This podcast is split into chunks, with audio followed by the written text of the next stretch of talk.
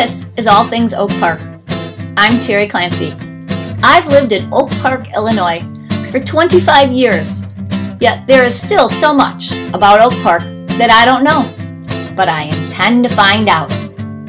This is a show about the people and places in Oak Park, Illinois, how they got here, why they stay, or what keeps them coming back. Hey everyone, it's been a bit. I hope everyone had a good summer. Welcome back to the All Things Oak Park. I'm so glad you tuned in.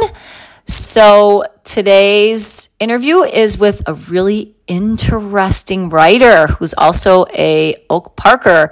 His name is Alec Nevala-Lee, and he is a biographer and a novelist and a science fiction writer. He's had s- several novels, I think three novels that he's written, and several short stories and other types of um, writings.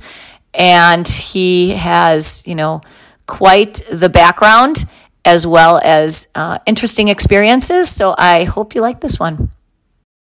Hey, Alec. Um, thanks for coming on the podcast. Welcome to All Things Oak Park. Uh, thanks, Terry. It's my pleasure. Um, so, as we've talked off um, or off uh, podcast, that um, we kind of just want to get to know you, us Oak Parkers, or who are listening. So, um, if you wouldn't mind kind of starting us where you grow up, you know, kind of what your family situation was like, and then kind of bringing us maybe through high school to, you know, kind of your first part of your college years, maybe. Okay, great. Um, so before I start with uh, with that stuff, you know, I mean, the relevant fact is that I'm a writer. Um, so everything that I, I tell you about will kind of be framed uh, to kind of describe how I ended up where I am now. Uh, I have a new book coming out uh, actually tomorrow. Uh, as we're talking, it's August 1st. And um, I have a book coming out called Inventor of the Future, The Visionary Life of a Buckminster Fuller. It's a biography that um, I have been working on uh, for the past three years. And um, it really does come out of my childhood. So I'm, I'm glad you asked. Um, so yeah, yeah. No, I mean, I've been asked a few times why this book, and the answer really is because I grew up um, in California, actually, uh, in the Bay Area. Uh, it's a town called Castro Valley, California, in the East Bay. Uh, so you know, it's it's not too far from Berkeley.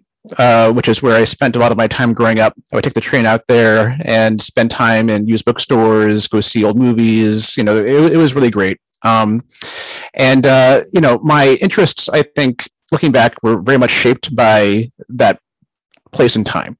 Um, Fuller, uh, for those who don't know him, he was an inventor and an architectural designer who was best known for the geodesic dome. Um, and you know his legacy today, you know, he, he's not quite as well known as he used to be. But during the 60s and 70s, this is, this is before I was born. Uh, I was born in 1980. Okay, so I was kind of coming in on the tail end of Fuller's career. Um, but during his lifetime, toward the end, you know, he was one of the most famous futurists in the world. You know, he was someone people looked to to really? tell them about, um, yeah, like how would America, how would the world look in the future? And he was incredibly influential, especially among young people.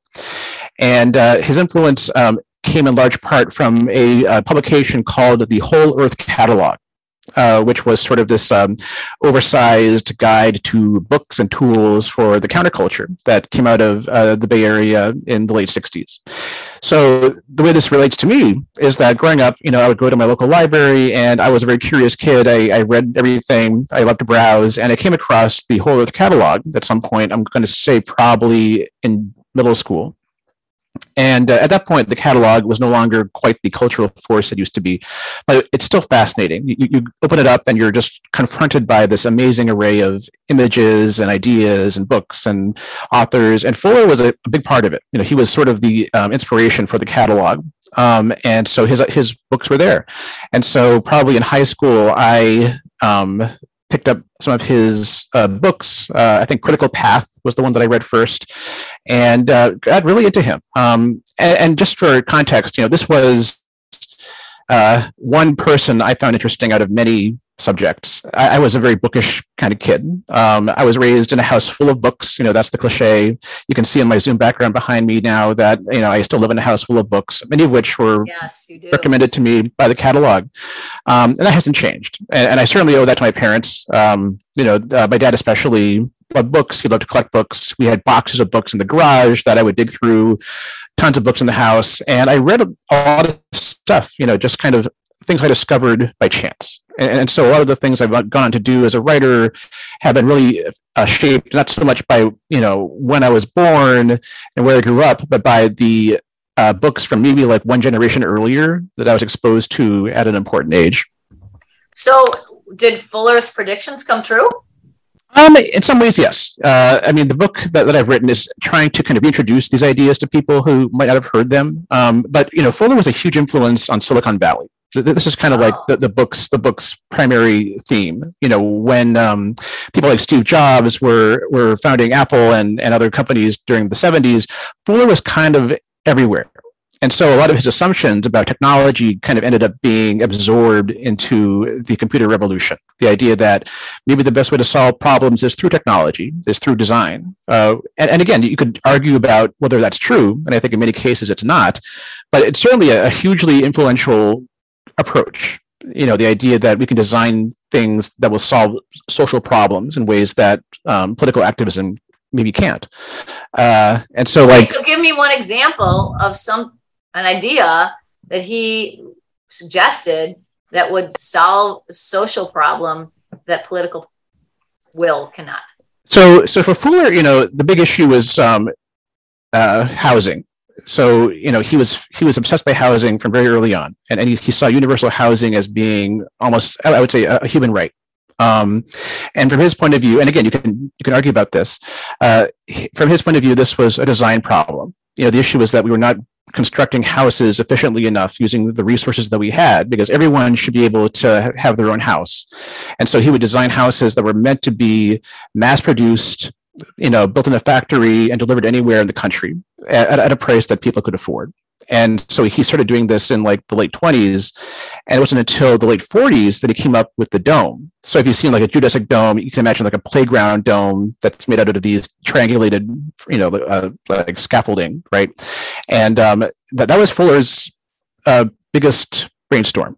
Um, he envisioned the dome as being kind of this machine that would reduce shelter to its bare essentials. You would have this external shell, and then on the inside you'd have this utility core that would have, you know, your bathroom, your kitchen, you know, all your essentials. And the idea was that this way everyone could afford a house and, that was kind of his vision. You know, he, he spent 50 years probably of his life developing this idea of a housing industry, and it never quite took off. And you could d- discuss why it, it, never really you know became a thing. Um, but I think Fuller, uh, he was a genius. He he was a very smart man. I think he underestimated the uh, political and social obstacles that prevent economic equality. I, I think he approached everything as a technologist, as an engineer, and he didn't realize that maybe the fact that some people don't have adequate housing is due to factors that are not simply design problems. I, t- I think it took him a long time, if ever, to come around to that realization. Yeah, interesting. So you you got into his books in high school, and then were you in any other activities, or you said you like did you do bookish activities at school or? Yeah yeah. I mean so i was editor of my high school newspaper. Um, you know i was always writing. I wrote a lot of uh, stories and novels. Um, and, and, that was kind of how i saw myself uh, developing as a writer. I, I, definitely wanted to be a novelist. And and you know this will probably you know come into play later on. Um, so yeah so most of my choices growing up about my education came out of that goal. I, i've known since i was 10 that i wanted to be a writer of some kind. And for me the appeal was you know you get to pick what you want to learn about. You know it's like it's like you get to be curious you get to choose subjects you find interesting and learn about them and write about them. And to me that was just it sounded great because i was i was interested in a, a, broad range of things. This is why someone like fuller was actually a really inspira- inspirational figure to me because he was a, a, generalist, or that's that's how he portrayed himself. You know, someone who saw whole systems, you know, things from you know the level of the universe on down, and and and I was always very drawn to that kind of person, and um, you know that's kind of how I, I wanted to be. I, I, wanted to be someone who didn't specialize, who was free to move between areas as needed. You know, whichever uh, I thought was most interesting or, or most important. And, and to me, being a writer just seemed like the best way of doing that. So, did you go to college?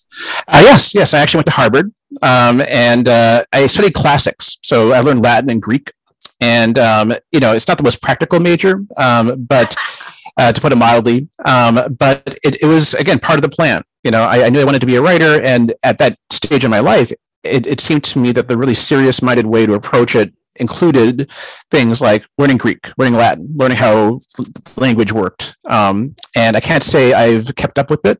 Uh, I, have forgotten most of my Latin and Greek, but the lessons I absorbed, I think, are still there. And, and, the way I write and the way I think and the way I approach these big projects is definitely um, shaped by that experience.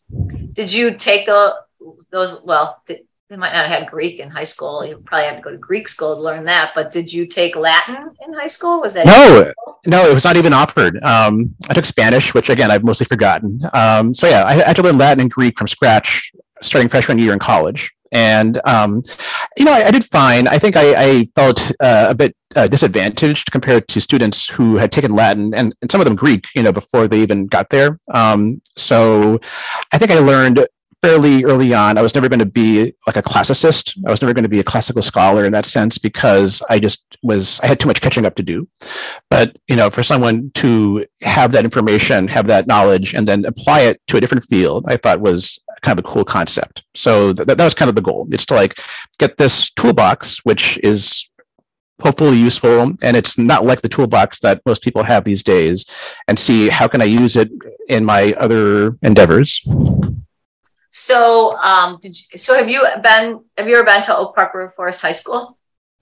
Um, as a visitor, or um, visitor. oh yeah, yeah, I, have been there a lot. Uh because there is a room on the third floor that's called the Latin Room. You know that? I did not really. Yeah, they um, when they were renovating the high school, maybe the second time, they decided that there was going to be these special rooms. I'm not quite sure how that decided. Maybe just for fun maybe they had more money than they needed but there's a hemingway room which is like the english room mm-hmm. i think they call that the classics or maybe it's the greek room that's considered the classics anyway there's formal names and there's slang names and the slang names are the um, latin room and the hemingway room but i think that that's not the formal name but yeah there there there are a lot of different um, accents in the room that um, reference reference the you know Greek culture, so or Latin culture. So you should um, check it out. Yeah, it's the oh. third floor. I don't remember the na- the numbers of the rooms, but they're really cool. Oh, do you know if they still offer Latin as a language? I don't don't know. I don't know. Yeah, I feel like I, do. I, I, I know there was a teacher in the Latin room when I was there, but I don't know if that's because she's teaching a different subject there. Uh, I, I want to say they don't offer it. Okay, well, I, I, do have a daughter who is going to be there at, at some point. I'm guessing. Um, so if she wants to take Latin uh, there, uh, if it works out, great. Uh, if not, that's also fine. I'm, I'm not going to force her.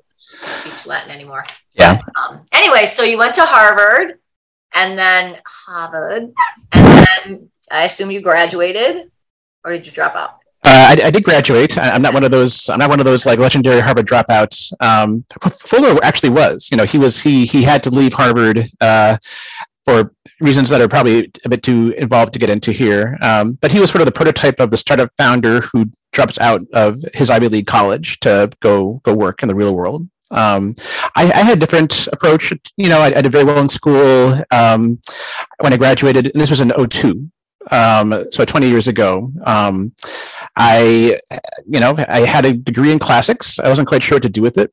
So I did what a lot of young uh, would-be writers do at that stage, and I went to New York um, just because that seemed like the obvious place to go when you, wanted to be a writer. And um, the story I'd like to tell is that you know I was ready to starve and work. You know, I wanted to be like maybe like an intern at the Village Voice or you know do test prep. You know, whatever it took to to get by.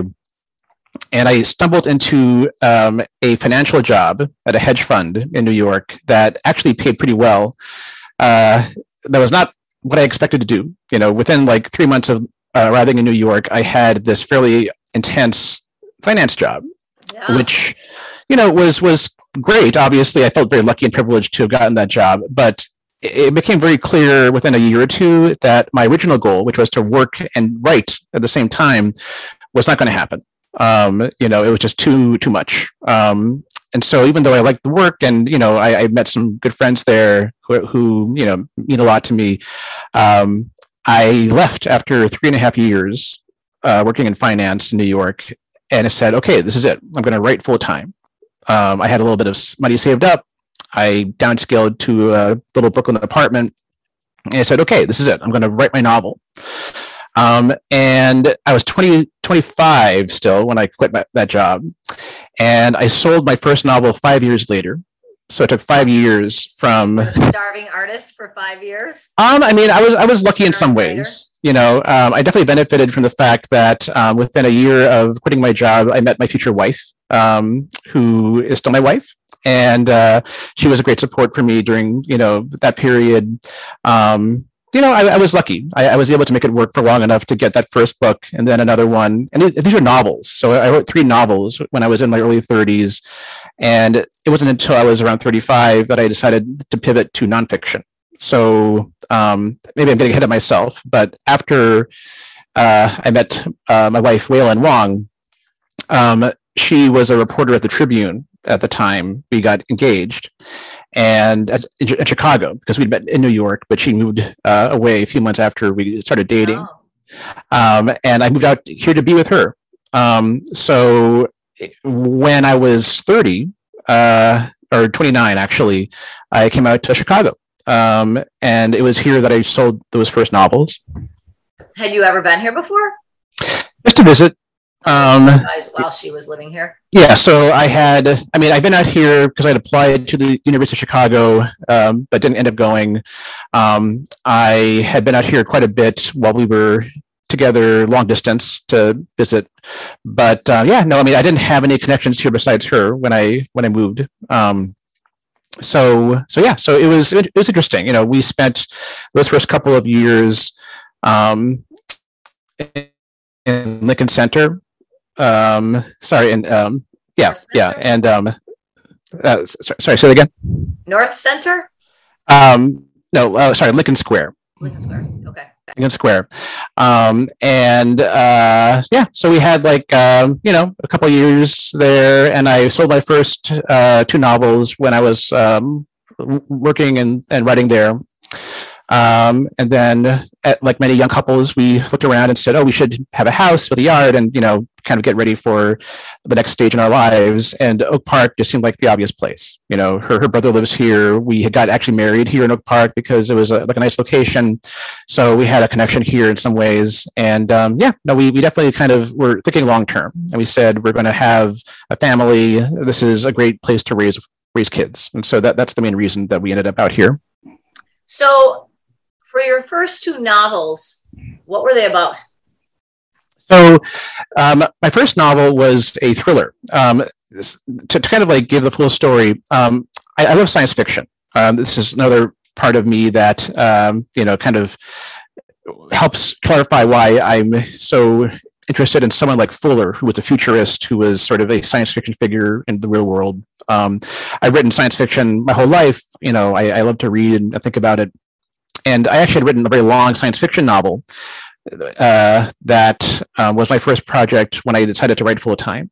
And it was like a massive, many, many hundreds of pages, you know, book that uh, never got sold um, until this year. I cut it down to a 35,000 word novella, and it's coming out in a, mag- a magazine called Analog, uh, probably early next year.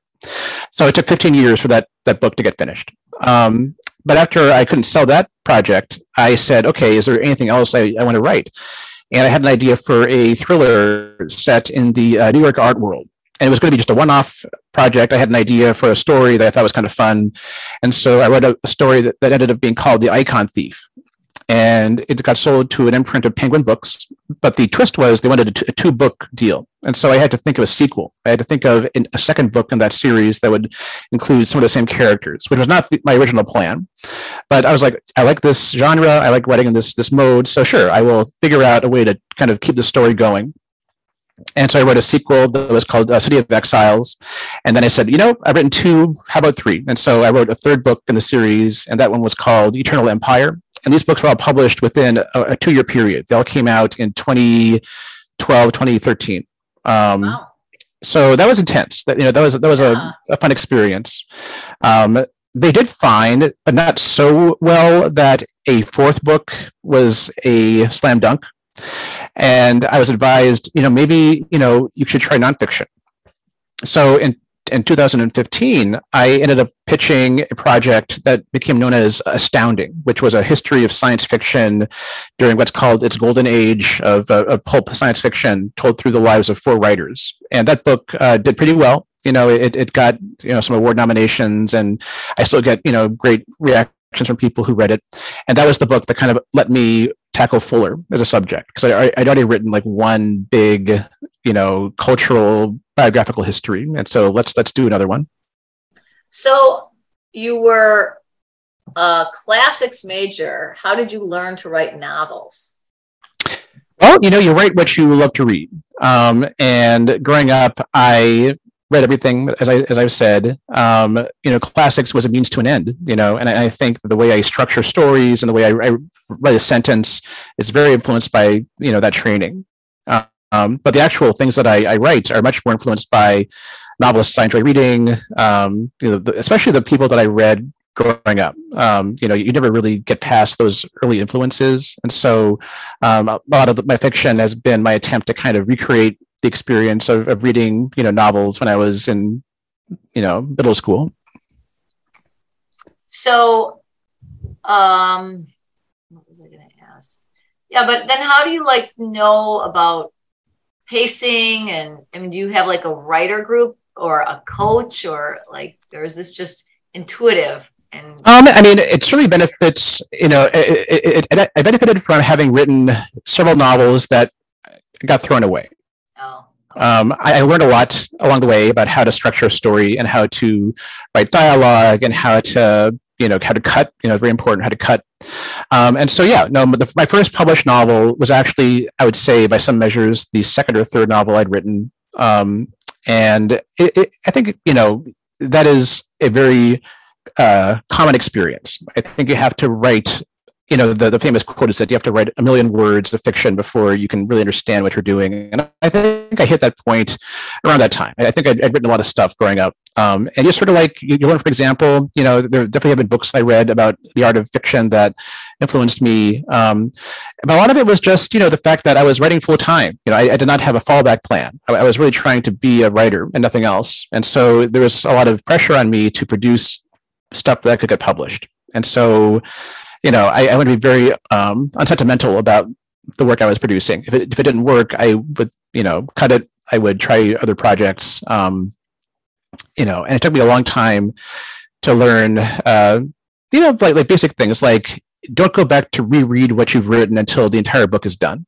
Because oh, wow. the first, really, the first time I tried to write a novel, I wrote the first few pages, maybe the first chapter, and then I said, okay, let's let's look at this. And so I would revise it and kind of tinker with it, and I never got past the first chapter or two yeah. right I, th- I, think i think you want to write the whole thing before you go back and see what you have and this is the rule i followed ever since i wrote my first novel um, i I, I do this even with nonfiction. So the Fuller book took me, uh, you know, like a year of research and a year of writing, basically for the, the bulk of you know the work. And I did not go back to reread what I had written in chapter one until I finished the very last chapter. So do you ever have writer's block, and how do you address that? Um, I, I don't really have writer's block. Um, I, I have the luxury of for the past few years, I've been working on these big nonfiction projects that um, are always very challenging just to research. And so, if I ever feel blocked when it comes to the writing part, there's always more work to do on the research end. So that's that's a plus. Um, I, I love outlining, and um, I love having a structure that I can work with. And so, on most days, I know before I start what I have to get done, And I've learned from experience that if I can just kind of crank out like a kind of rough version of whatever segment of the project I have to finish that day, I can always go back and improve it later on. So with, with me, it really is just having like a plan and trying to crank out like some version of th- that day's plan, you know, before I'm done. Um, and so far it's worked okay. Like I, I think um, writing is still very difficult, especially the first draft. Um, it's never easy, but I think I figured out ways to kind of spread the pain out and you know uh, a way that lets me produce stuff in a somewhat some somewhat professional way. Interesting. So um, now you've written this nonfiction, and do you like writing nonfiction better than fiction? They're they're both challenging in different ways. Um, I, I, like both. Uh, I would love to go back to fiction at some point. Uh, currently, uh, you know, I'm having greater success with nonfiction, so I think I'm going to be sticking with that for a while longer. But you know, one of my long-term goals is to go back and write at least one more novel. Um, but no, they're, they're both really challenging. I mean, I think people think of fiction as a very creative, uh, you know, endeavor, obviously, but nonfiction is actually, you know, there's a, there's a huge um, opportunity opportunity there for a writer to be creative when it comes to selection of material, structure presentation you know you, you can't make up anything but the way you organize you know the the facts can be incredibly creative. And you know for someone like fuller who lived to be almost 88 and had an incredibly eventful life you know just getting all that stuff into one book was very challenging. And, and so that kind of problem solving that goes into nonfiction to me it's, it's really exciting. Like I, I i love you know the challenge of looking at this like massive information and trying to find a way to convey it to the reader um, so that it's it's readable and makes sense. Mm. Well, maybe they'll turn your Fuller book into a musical like they did Hamilton.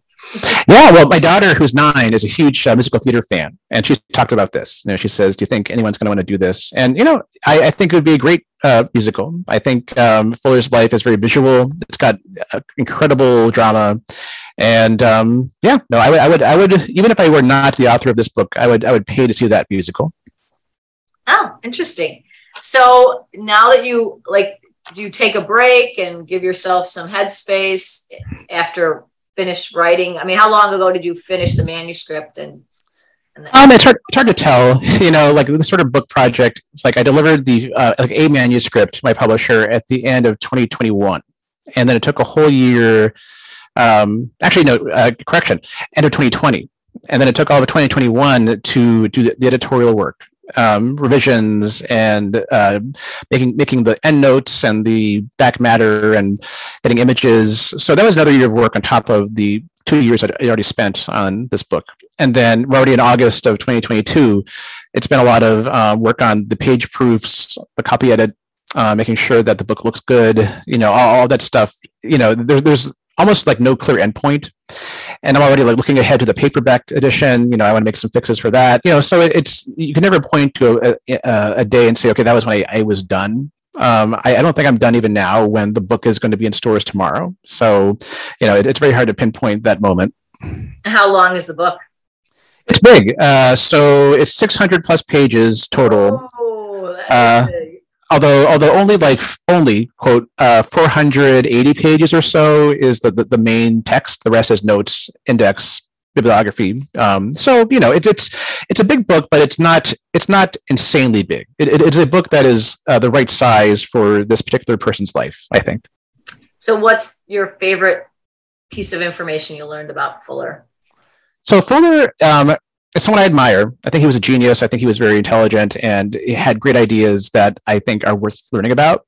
But he was also a myth maker. He was someone who invented aspects of his, his life. Um, and previous books on Fuller have often been unreliable because they take his version of, of events at face value. And when you go back to his archives, you look at these, you know, letters and papers, um, you see that in fact things went very differently than he claimed.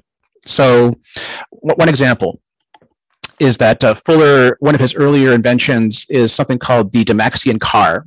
And this was a three wheeled car that he invented in 1933, and only three of them were ever built. But if you ever you ever seen a picture of it, it's got this amazing streamlined shape that looks kind of like a, a tadpole or a flying fish, where you know the the the front uh, is higher than the back.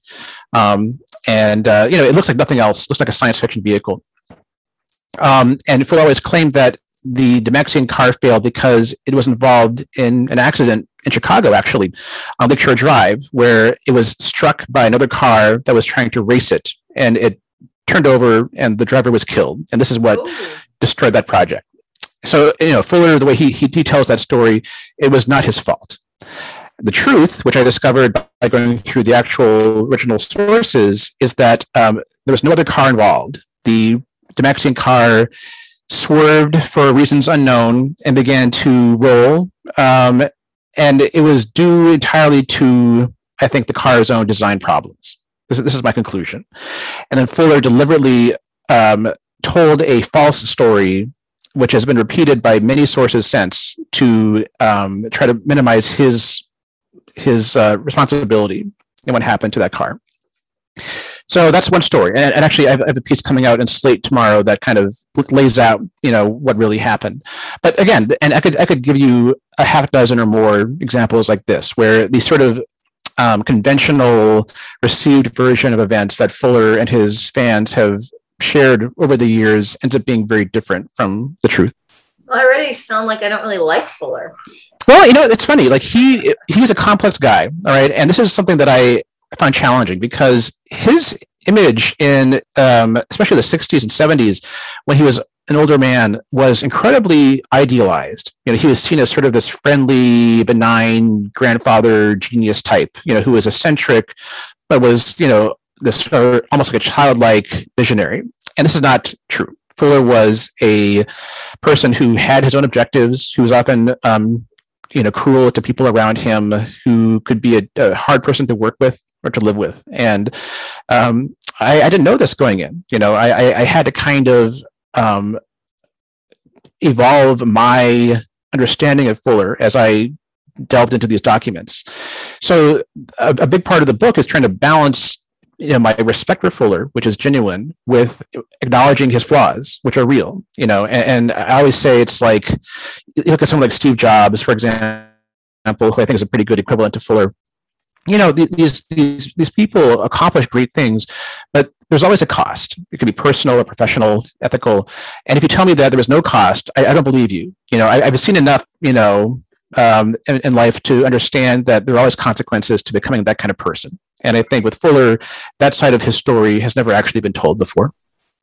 So how many hours do you think it took you to not not you know to get the manuscript to your publisher Oh gosh, I, I don't even know. Um, it, it's funny, like this kind of like nonfiction book. It, it's it's kind of all consuming, and so there've been very few days in the past like three and a half years when I have not been thinking about Fuller. And you know, again, it t- took just a year of uh, research to acquire these documents. If, if you go to Stanford, which is where his archives are, you know, you're talking about hundreds of boxes of papers and letters. It's one of the biggest private archives in the world. And so just the physical act of having to go there, go through all these boxes, get copies of them made, read through, in many cases, very hard to read, um, typewritten or handwritten letters. You know, that was a year of work just itself. Um, he, he published a ton of books. He gave many, many speeches and talks that are transcribed that I had to listen to. Um, so just the material I had to master was was hard.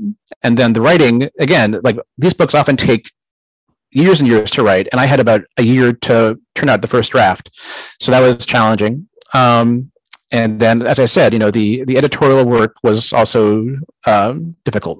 Um, so I couldn't tell you the number of hours. I think it was fewer in some ways than many other people would have needed to produce a book like this, but it was still a lot, and it, it was definitely like a um, it was draining in a way that I don't want to repeat too soon. Uh, I think I will eventually do a similar book uh, at some point, but I'm hoping to take a short break uh, before I, I, jump into the next big thing.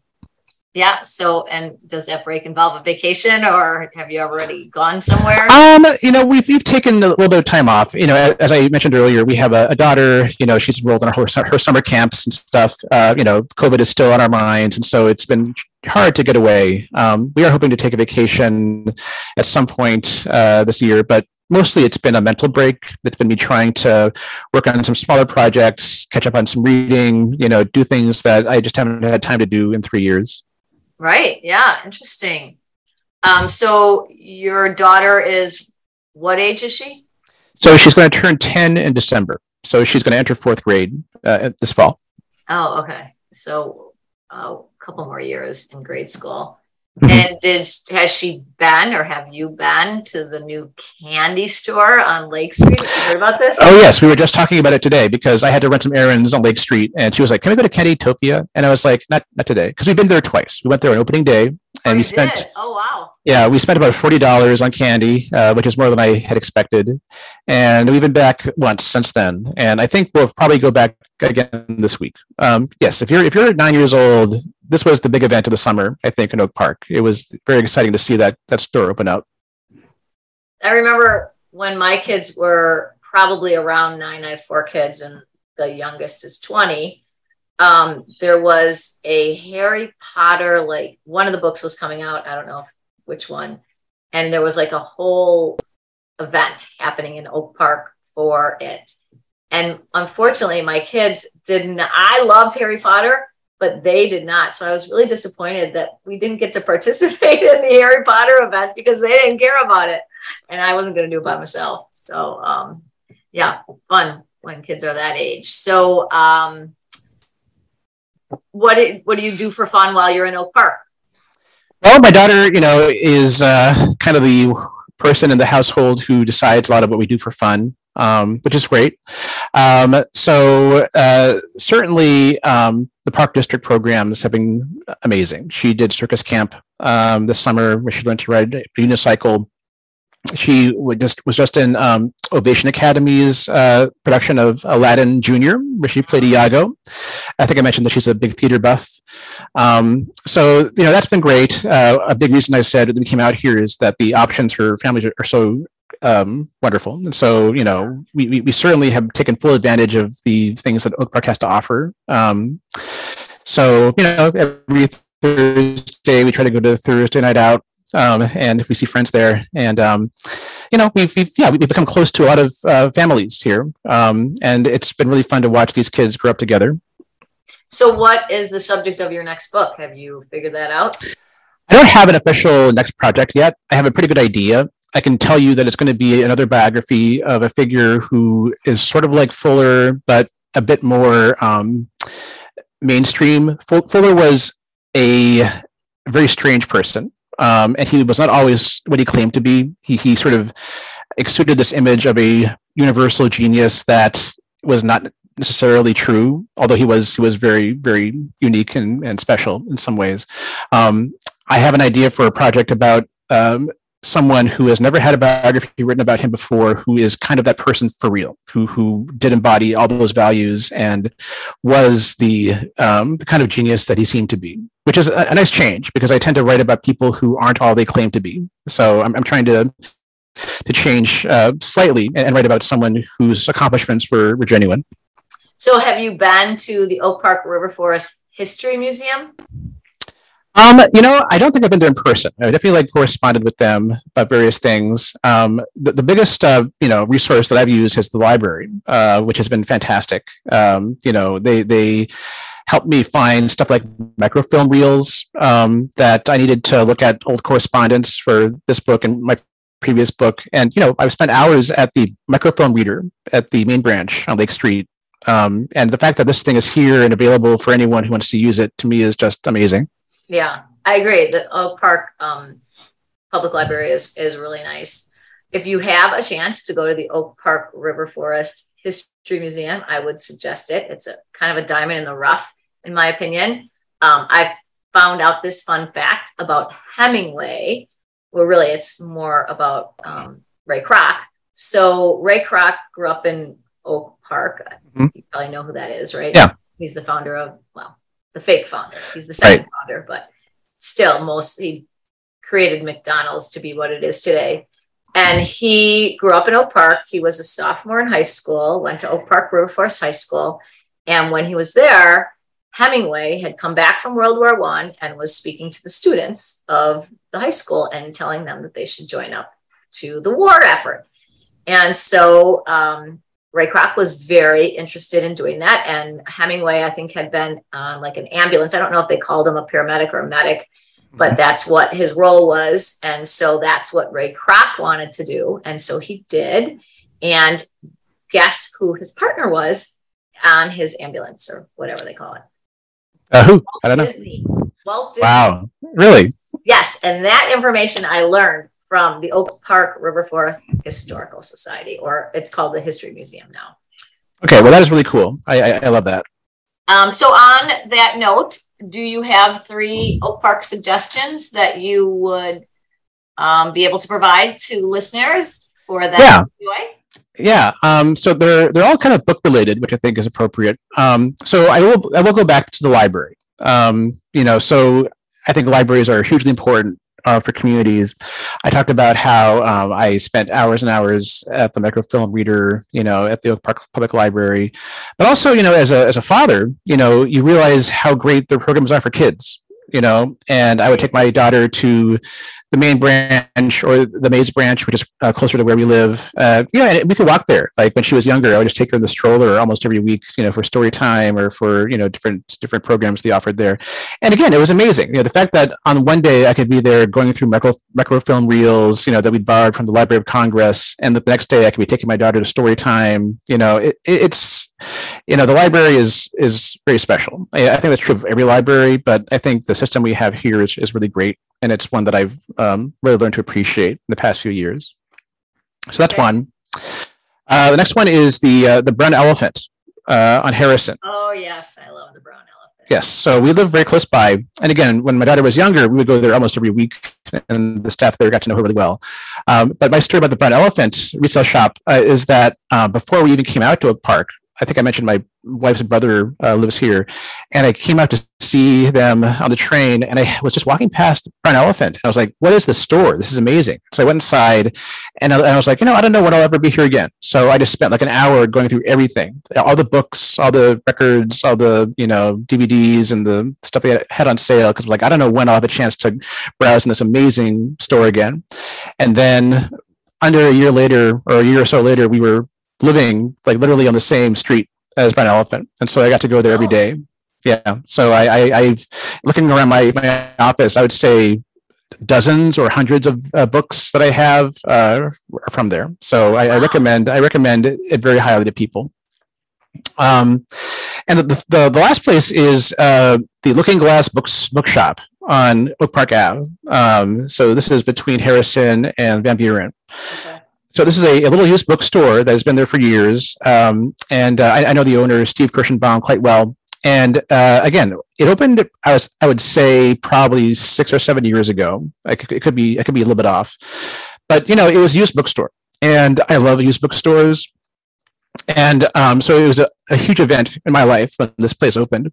And it's it's to me it's like the, the perfect used bookstore. It is it is not too big, but not too small. You can browse comfortably for a long time, you know, and find something new every time you go there.